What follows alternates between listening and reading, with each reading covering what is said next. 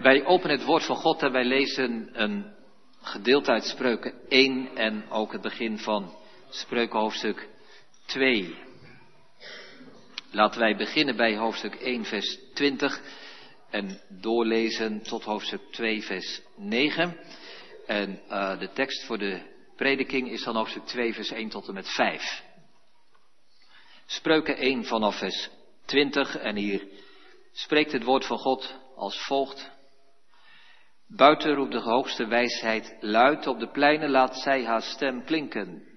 Ze roept boven het rumoer uit, aan de ingangen van de poorten in de stad spreekt zij haar woorden uit. Hoe lang zult u onverstandige onverstand liefhebben? En zullen spotten spotternij voor zich begeren en dwaze kennis haten? Keert u zich tot mijn bestraffing. Zie, ik zal mijn geest over u uitstorten, mijn woorden u bekend maken omdat ik riep, maar u weigerde, mijn hand uitstrekte, maar niemand er acht op sloeg, omdat u al mijn raad verwierp, mijn bestraffing niet hebt gewild. Daarom zal ik ook lachen om uw ondergang, u bespotten wanneer uw angst komt. Wanneer uw angst komt als een verwoesting, uw ondergang eraan komt als een wervelwind, wanneer benauwdheid en nood over u komen. Dan zullen zij tot mij roepen, maar ik zal niet antwoorden. Zij zullen mij ernstig zoeken, maar zullen mij niet vinden, omdat zij de kennis hebben gehaat en de vrezen des Heren niet hebben verkozen. Ze hebben mijn raad niet gewild, al mijn bestraffingen hebben zij verworpen. Ze zullen van de vruchten van hun weg eten en verzadigd worden van hun eigen opvattingen. Want de afvalligheid van de onverstandigen zal hen doden. En de zorgeloze rust van de dwazen zal hen ombrengen. Maar wie naar mij luistert, zal veilig wonen. Hij zal vrij zijn van angst voor het kwaad.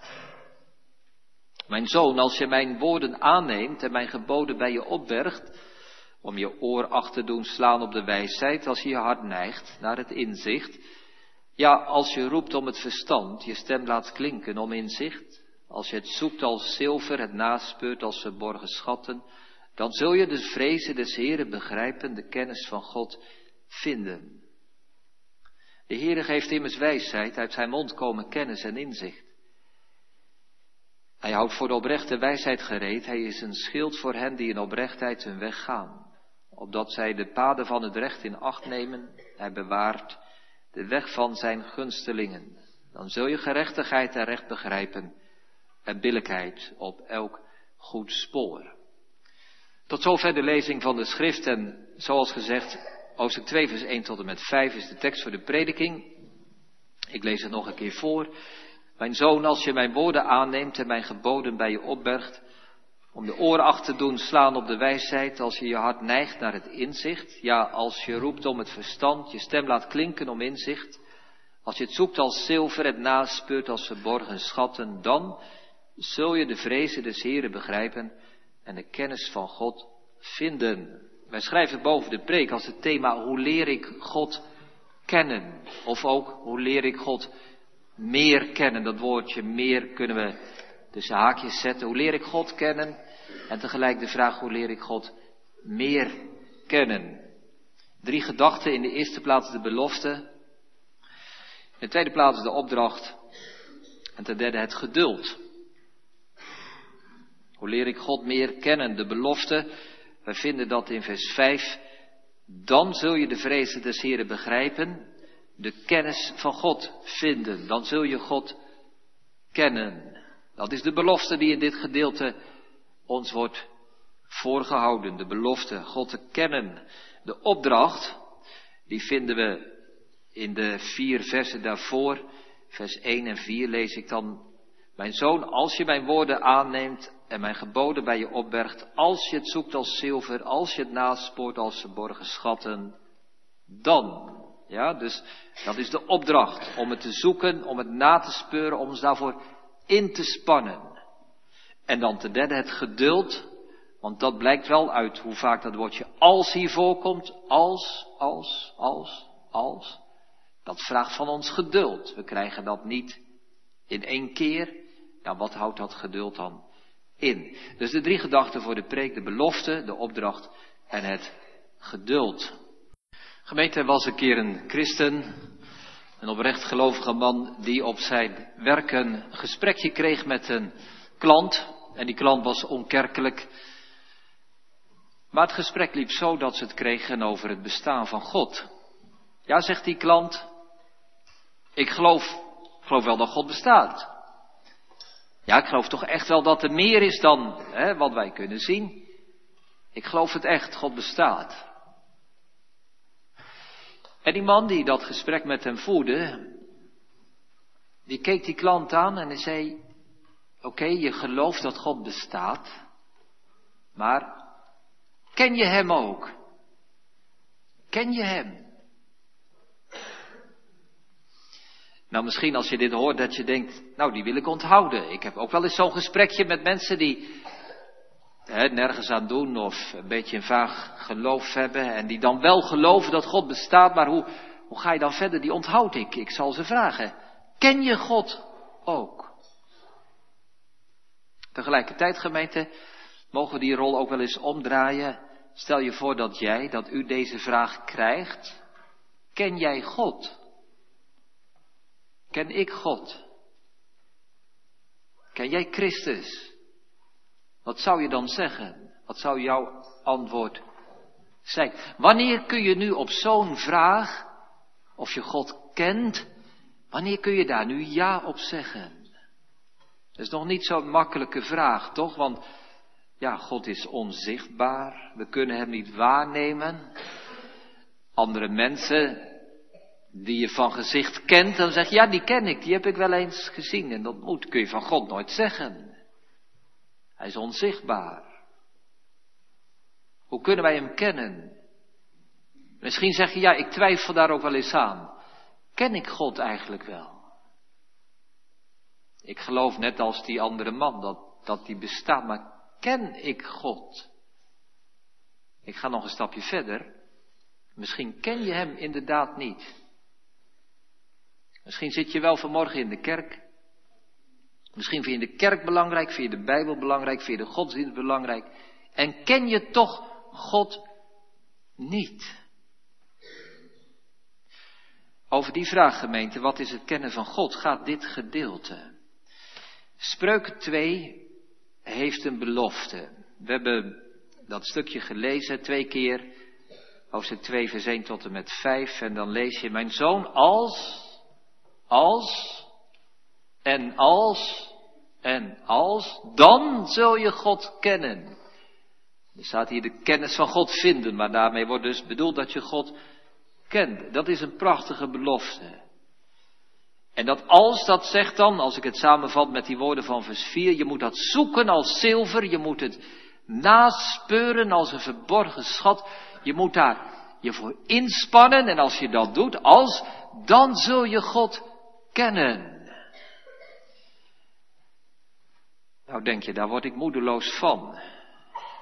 dat roept het beeld op dat het kennen van God iets zeldzaams is, wat maar een enkeling heeft, waar je enorm voor in moet spannen, als je dit hebt, als je dat hebt gedaan, als je die voorwaarden voldoet, ja, dan kom je wellicht ooit zo ver dat je God mag kennen.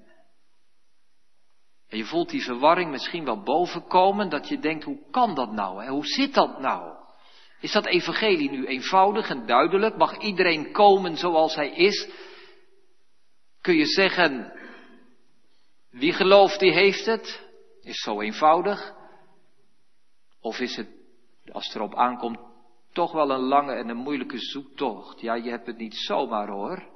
Je moet er wel veel om bidden. Je moet er wel echt naar zoeken. Je moet er wel naar verlangen. Het moet wel oprecht zijn. Wat is nu waarheid? Voor wie is dat nu weggelegd, hè? God te mogen kennen. Is dat voor die paar mensen die inderdaad die als, als, als hebben vervuld? Ik moest denken aan het gesprek dat ik een keer had met een student in Rotterdam. En die jongen zei tegen mij, ja dominee, zegt hij, ik kijk naar mijn vader en mijn moeder. En die zijn altijd heel serieus en op zoek, maar ze hebben niks. Als ik ze vraag of ze echt geloof hebben, of ze bekeerd zijn, zeggen ze nee. En eigenlijk weten ze ook niet of ze dat wel krijgen. Dominee, zegt die jongen, ik heb daar geen zin in. Moet ik zo gaan leven, zoeken, zoeken, zoeken, zonder misschien ooit te vinden? Ja, wat staat hier nu gemeente in Spreuken 2?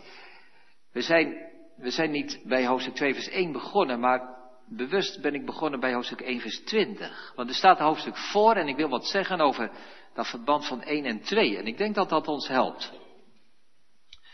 Spreuken 1 tot en met 9 als onderdeel hè, van dit Bijbelboek gaat over de wijsheid en uh, het wordt meestal met een hoofdletter in onze vertaling geschreven. De wijsheid wordt hier voorgesteld als een persoon, als een vrouw die, die de wijsheid wil overbrengen, wil meedelen. En het, het mooie is dat hoofdstuk 1 vanaf vers 20 vertelt dat deze vrouw naar de markt gaat, naar de straten gaat, naar de pleinen gaat, naar de openbare ruimte en daar haar boodschap en haar nodiging laat horen. Buiten roept de hoogste wijsheid luid. Op de pleinen laat zij haar stem klinken. Dus, hè, dat is hoofdstuk 1. Spreuken 1 zegt, die wijsheid, die is vrij te verkrijgen. Er zit geen enkele beperking in. Iedereen kan die stem en die nodiging horen. Iedereen krijgt die belofte. Iedereen. Dat is hoofdstuk 1. En dan hoofdstuk 2, daar krijgt dan een hele andere toon en zegt, ja, maar die wijsheid moet je zoeken. Die moet je naspeuren. Daar moet je op, op zoek naar gaan. Alsof het zilver is, alsof het een verborgen schat is. Hoofdstuk 2 zegt, ja, niet alle mensen vinden die wijsheid. Je moet er je best voor doen. Nou, ze zijn allebei waar, gemeente. Hoofdstuk 1 en hoofdstuk 2. Spreuken 1, als we dan dat woordje wijsheid in de brede zin van de Bijbel mogen nemen, de boodschap van, van het evangelie, van de genade van God. Echt ware gemeente, het is vrij te krijgen. Het is publiekelijk. Ik hoef niemand van ons hier aanwezig nu uit te sluiten van deze boodschap, maar ik mag het tegen iedereen zeggen. De belofte van Gods genade komt naar jou toe vandaag. En je mag die genade van, van het evangelie mag je ontvangen, mag je aannemen. Opdat het ieder die in hem gelooft niet verloren gaat, maar eeuwig leven zou hebben. Echt waar, het evangelie is een eenvoudige boodschap. Dat is niet ingewikkeld, dat is niet moeilijk. Dat is de eenvoudige boodschap van redding en verlossing. Niet door wat jij moet doen, maar door wat Christus heeft gedaan. En ieder die die gave, dat geschenk ontvangt, die heeft het. En dan komt hoofdstuk 2. En spreuken 2 zegt, in de praktijk van het leven moet je daarmee aan de slag. Dat vraagt inspanning. En als je je inspant dan, dan zul je God kennen. En die kennis is, dat is niet wiskundige kennis, dat is ervaringskennis. Dat is praktische kennis. Nou, dat is hoofdstuk 1 en dat is hoofdstuk 2. Die woorden die in het Bijbelboek Spreuken telkens terugkomen, hè, kennis, wijsheid, inzicht, verstand, dat zijn ongeveer synoniemen van elkaar en die zeggen allemaal hetzelfde. Dat is de ervaring, de persoonlijke ervaring die jij opdoet. Het, het klopt, het is waar. Die God die in het evangelie vertelt dat hij genadig is. Ja, het is waar. Ik merk dat. Ik ervaar dat in mijn eigen leven. Die inzicht waar het hier over gaat, hè. Dat is meemaken. Misschien kan ik het zo wel zeggen. Dat is zelf meemaken dat die boodschap van Gods genade jouw leven verandert. En hoe, hoe dat dan gaat. Inzicht is dat je de boodschap van zondag kunt gebruiken voor maandag en dinsdag. Dat is inzicht. En kennis van God. Wat is dan die kennis van God? Dat is ervaringskennis. Dat is praktische kennis. Dat jij ziet en merkt en ervaart in je eigen leven wat die God zegt in dat evangelie over zijn genade. Dat is waar. Ik merk het. Ik ervaar het in mijn eigen leven. Dat is spreuken 2. Job wist daarvan. Job zegt in hoofdstuk 42, aan het einde van dat Bijbelboek. Vroeger kende ik God van horen zeggen. En nu heb ik hem gezien. Nu heb ik hem ontmoet. Dat eerste zou je kunnen vergelijken met spreuken 1. En dan komt spreuken 2. Eerst in die boodschap. En nu ook in mijn eigen leven. Dus gemeente, laten we dit onthouden. Als hij, ik ga mijn eerste gedachte afronden. Als hij nadenken over de wijsheid, over de woorden van God, over het evangelie. Waarom geeft God ons het evangelie? Ja, denk je, dan, dan hoor ik hoe ik ook naar de hemel kan. En dan hoor ik hoe ik niet naar de hel hoef te gaan. Hoe ik zalig kan worden. Ja, dat zit er, dat zit er ook wel in. Maar het evangelie gemeente is de boodschap hoe wij God kunnen leren kennen. Waarom geeft God ons het evangelie? Waarom is, waarom is het een boodschap van genade? Want God wil dat wij Hem leren kennen als een genadige God. Het evangelie gaat over hoe wij God kunnen leren kennen.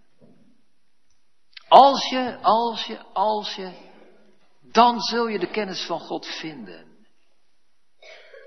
En wanneer kun je dus zeggen, ik ken God? Als jouw leven, in jouw leven het evangelie gekomen is, die boodschap van de wijsheid op de pleinen, en je hebt dat geloofd, en vervolgens merk je in jouw leven dat het waar is wat God over zichzelf zegt. We gaan naar onze tweede gedachte. De opdracht. Laten we daar nu eens bij stilstaan, gemeente. Als dit nu het evangelie is, als dit de belofte is om God te mogen kennen, waar spoort God ons toe aan? Hij zegt, je moet het zoeken als zilver, je moet het naspeuren als verborgen schatten. Hij zegt niet, nou ja, wacht maar af tot je het een keer krijgt. Nee, hij roept ons op om ons in te spannen en er wat voor te doen. Nou, wat moet ik dan doen, hè, zeg je? Welke inspanning? Moet ik op zoek gaan naar geestelijke ervaringen? Moet ik op zoek gaan naar bevinding? Moet ik op zoek gaan naar bijzondere ontmoetingen met God? Is dat dan wat, wat ik moet zoeken en wat de verborgen schat is? Nou, niet volgens het Bijbelboek Spreuken, gemeente. Het Bijbelboek Spreuken is eigenlijk maar, dat is een heel praktisch boek. Het gaat over het dagelijkse leven. Je kunt het doorlezen en denken, ja, kan het niet een, een slag dieper? Is dit niet wat oppervlakkig? Het gaat maar over hè, allerlei alledaagse dingen. Ja, maar zegt het boek Spreuken, daar in het alledaagse leven, met zijn ups en downs, met zijn tegenvallers en zijn meevallers, met zijn hoogtepunten en zijn dieptepunten. Daar in dat alledaagse leven leer je God kennen. Daar gebeurt het. Dus ik zou het zo willen zeggen. Wat moeten wij doen? Hè? Wat is die inspanning en die oproep die hier tot ons komt? Wat is die opdracht? Dat is niet gaan nu op zoek naar allerlei geestelijke ervaringen, maar zie jouw dagelijkse leven in het licht van Gods genade. Elke keer in spreuken 2 weer terug naar spreuken 1. Waar is het mee begonnen? Ja, ik heb het evangelie geloofd. De boodschap van Gods genade en van zijn trouw. Nou, dan is dit de opdracht om elke dag, elke situatie, elke moeilijke vraag te zien in het licht van Gods genade. Is dat alles, zegt iemand? Ja, dat is alles. Maar ook voor gelovige mensen blijft God een onzichtbare God. Het is niet zo dat als je eenmaal gelovig bent, dat er dan een hele nieuwe fase komt met allerlei bijzondere ervaringen. Misschien dat je daar wel naar op zoek bent, hè? Ja, dat evangelie, dat was het begin, maar nu, nu gaat het komen. Nee, nee. Dat evangelie was het begin, maar dat evangelie is ook wat je weer in hoofdstuk 2 telkens dieper moet onderzoeken en moet toepassen, moet gebruiken voor jouw eigen leven. Als het uh, schrijven van het Bijbelboek Spreuken zouden vragen, gemeente, zou hij of zij zeggen, de wijsheid als vrouw of de schrijver als man, die zou zeggen, je moet niet op zoek gaan naar geestelijke ervaringen, maar je moet je dagelijkse ervaringen geestelijk zien. Geestelijk bezien. In het licht van dat evangelie. Laat ik gemeente proberen dat duidelijk te maken met, met iets uit mijn eigen leven. De meeste van u weten dat ik behoorlijk bijzondere weken achter de rug heb.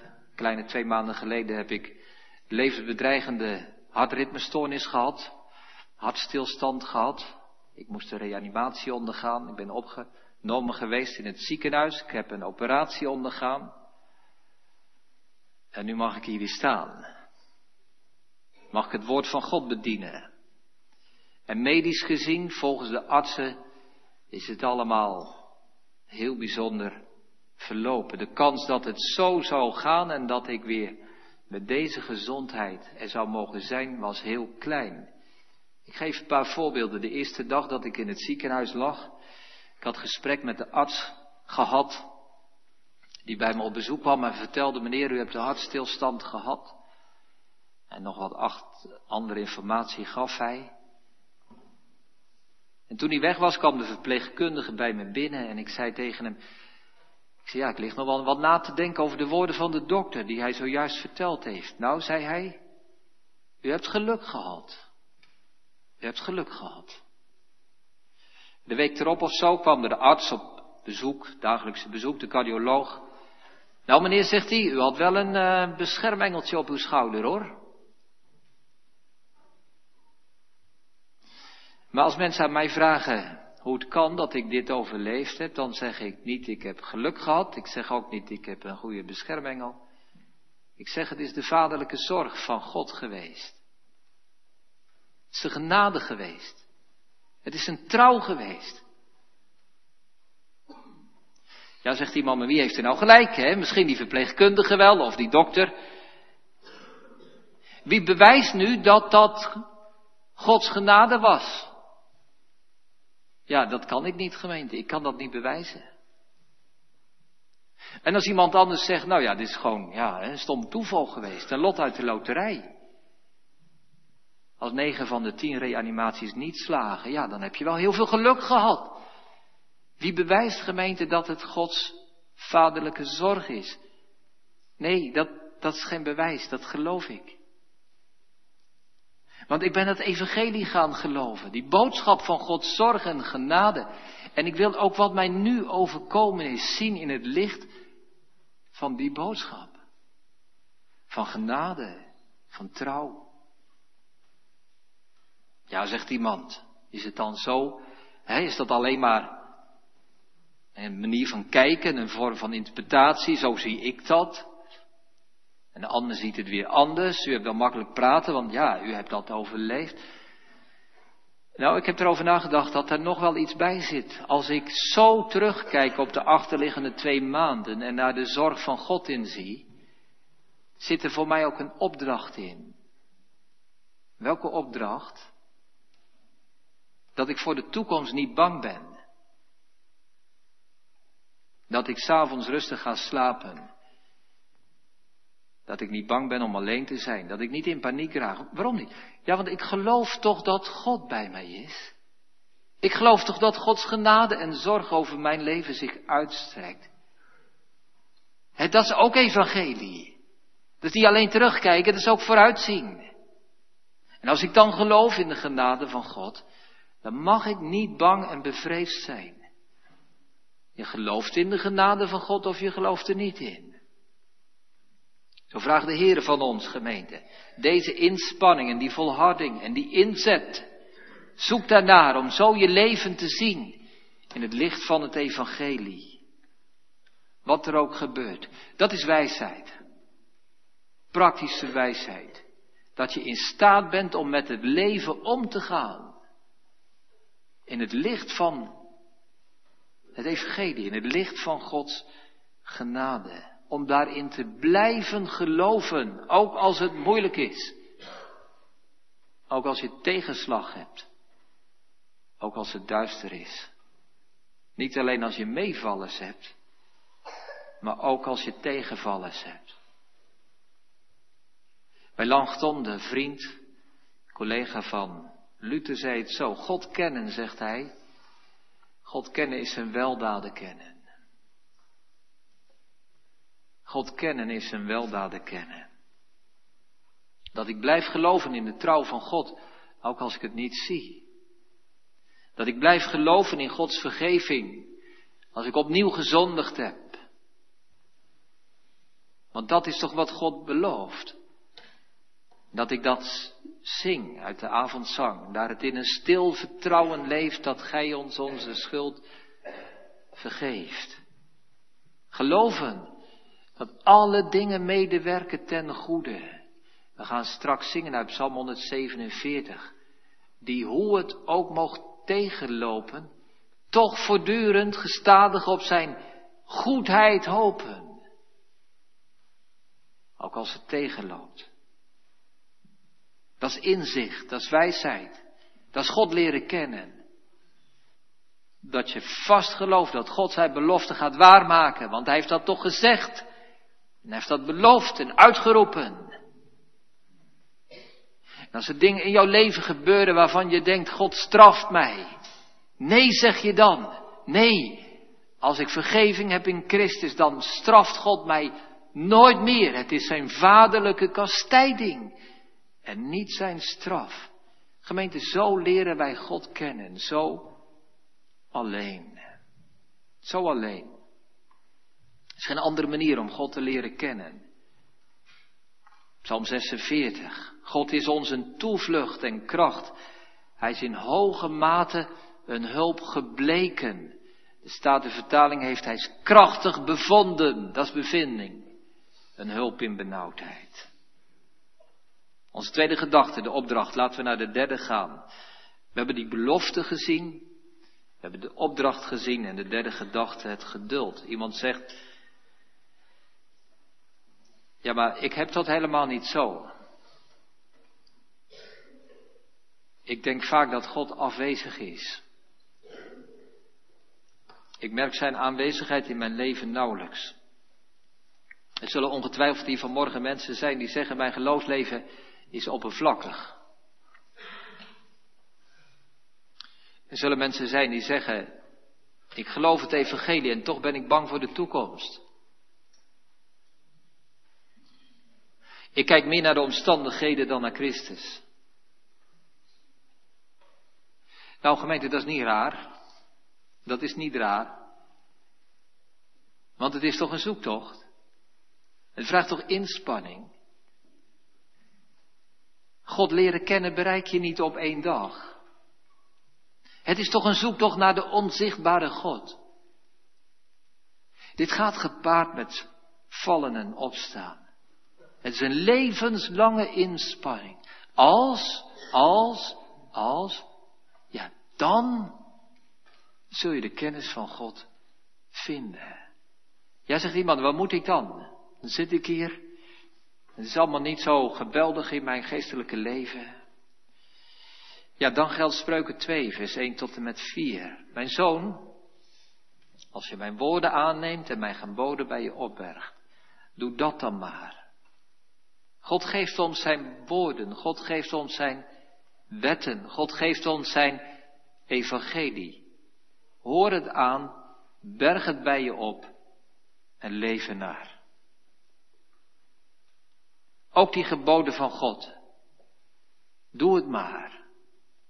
Elke zondag toch maar weer naar de kerk. Elke dag toch maar weer Bijbel lezen. Elke dag toch maar weer bidden. Toch maar weer elke keer de stille tijd. Ja, maar het levert zo weinig op. Nee, ja, maar het vraagt om geduld. Het vraagt om inspanning. Het vraagt om volhouden. En hier belooft God in Spreuken 2, als je dat doet, wees me trouw in al die dingen die God ons aanwijst. Als je dat doet, als je het zoekt als zilver, als je het naspeurt als verborgen schat, dan zul je de kennis van God vinden. Die geboden van God, het was voor mijzelf ook wel weer een nieuw gezichtspunt hier.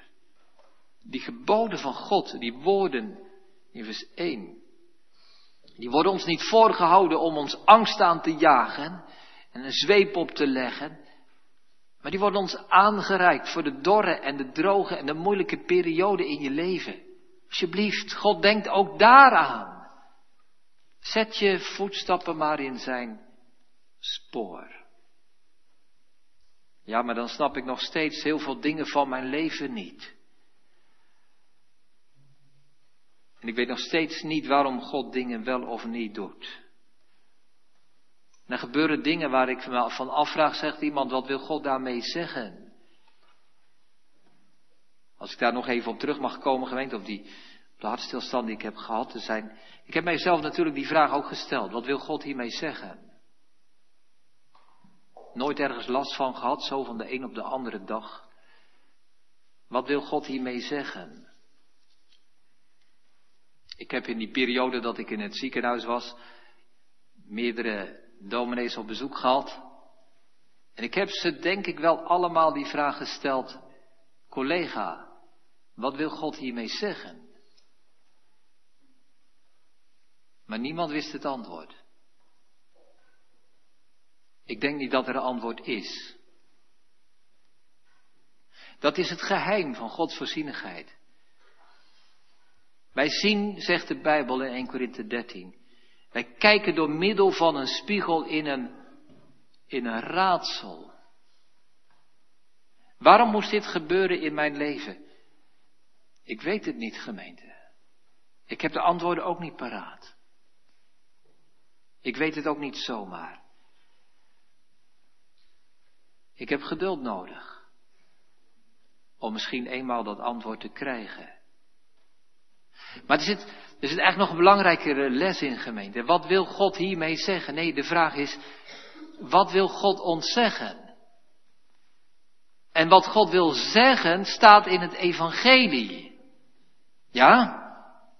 Als jij op zoek bent naar de stem van God, moet je niet naar de voorzienigheid kijken en de gebeurtenissen. Want daar kunnen wij nooit volledig van begrijpen waarom God dingen doet of niet doet. Maar als je de stem van God wil horen, moet je zijn in de boodschap van het evangelie. In het woord van Jezus Christus. Daar vinden wij de stem van God. En daar moeten wij genoeg aan hebben. En dan zijn er heel veel vragen in mijn leven. En er zijn er allerlei gebeurtenissen die ik niet begrijp. En toch ken ik de stem van God. Want hij is duidelijk in zijn evangelie en in zijn belofte.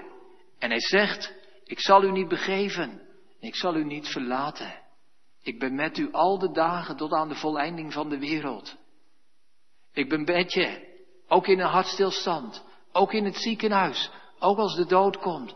Ik ben bij je. Dat is de stem van God.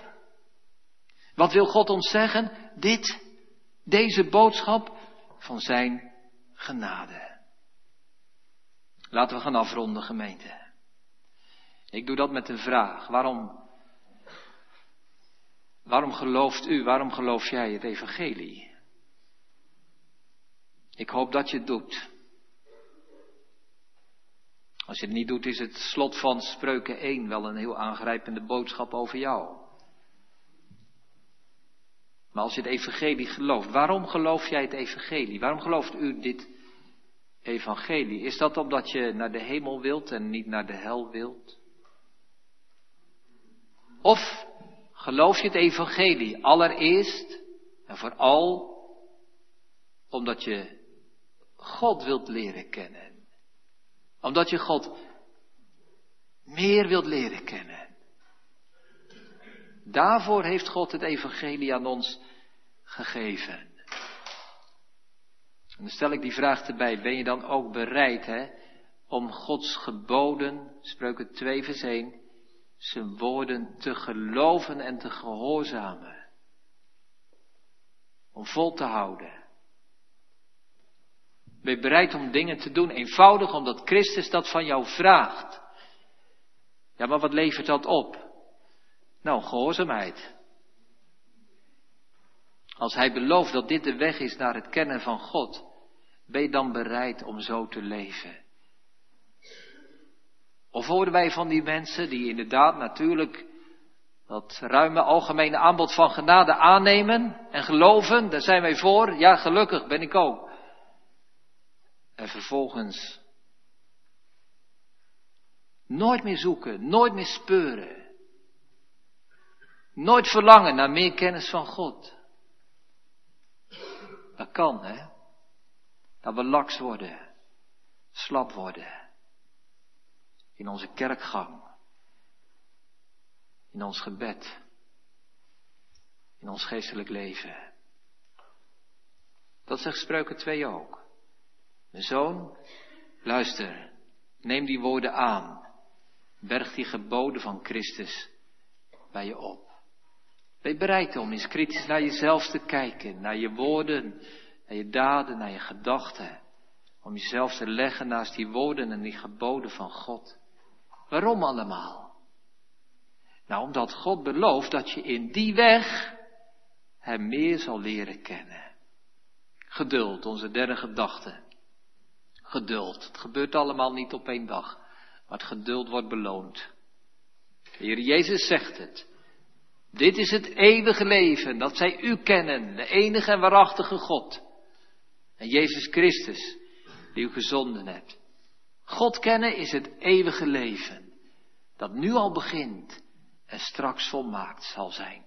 Nu immers kijken wij door middel van een spiegel in een raadsel. In een raadsel. Maar dan zullen wij zien van aangezicht tot aangezicht. Nu ken ik ten dele, nu ken ik God slechts ten dele. Maar dan zal ik kennen zoals ik gekend ben. Amen.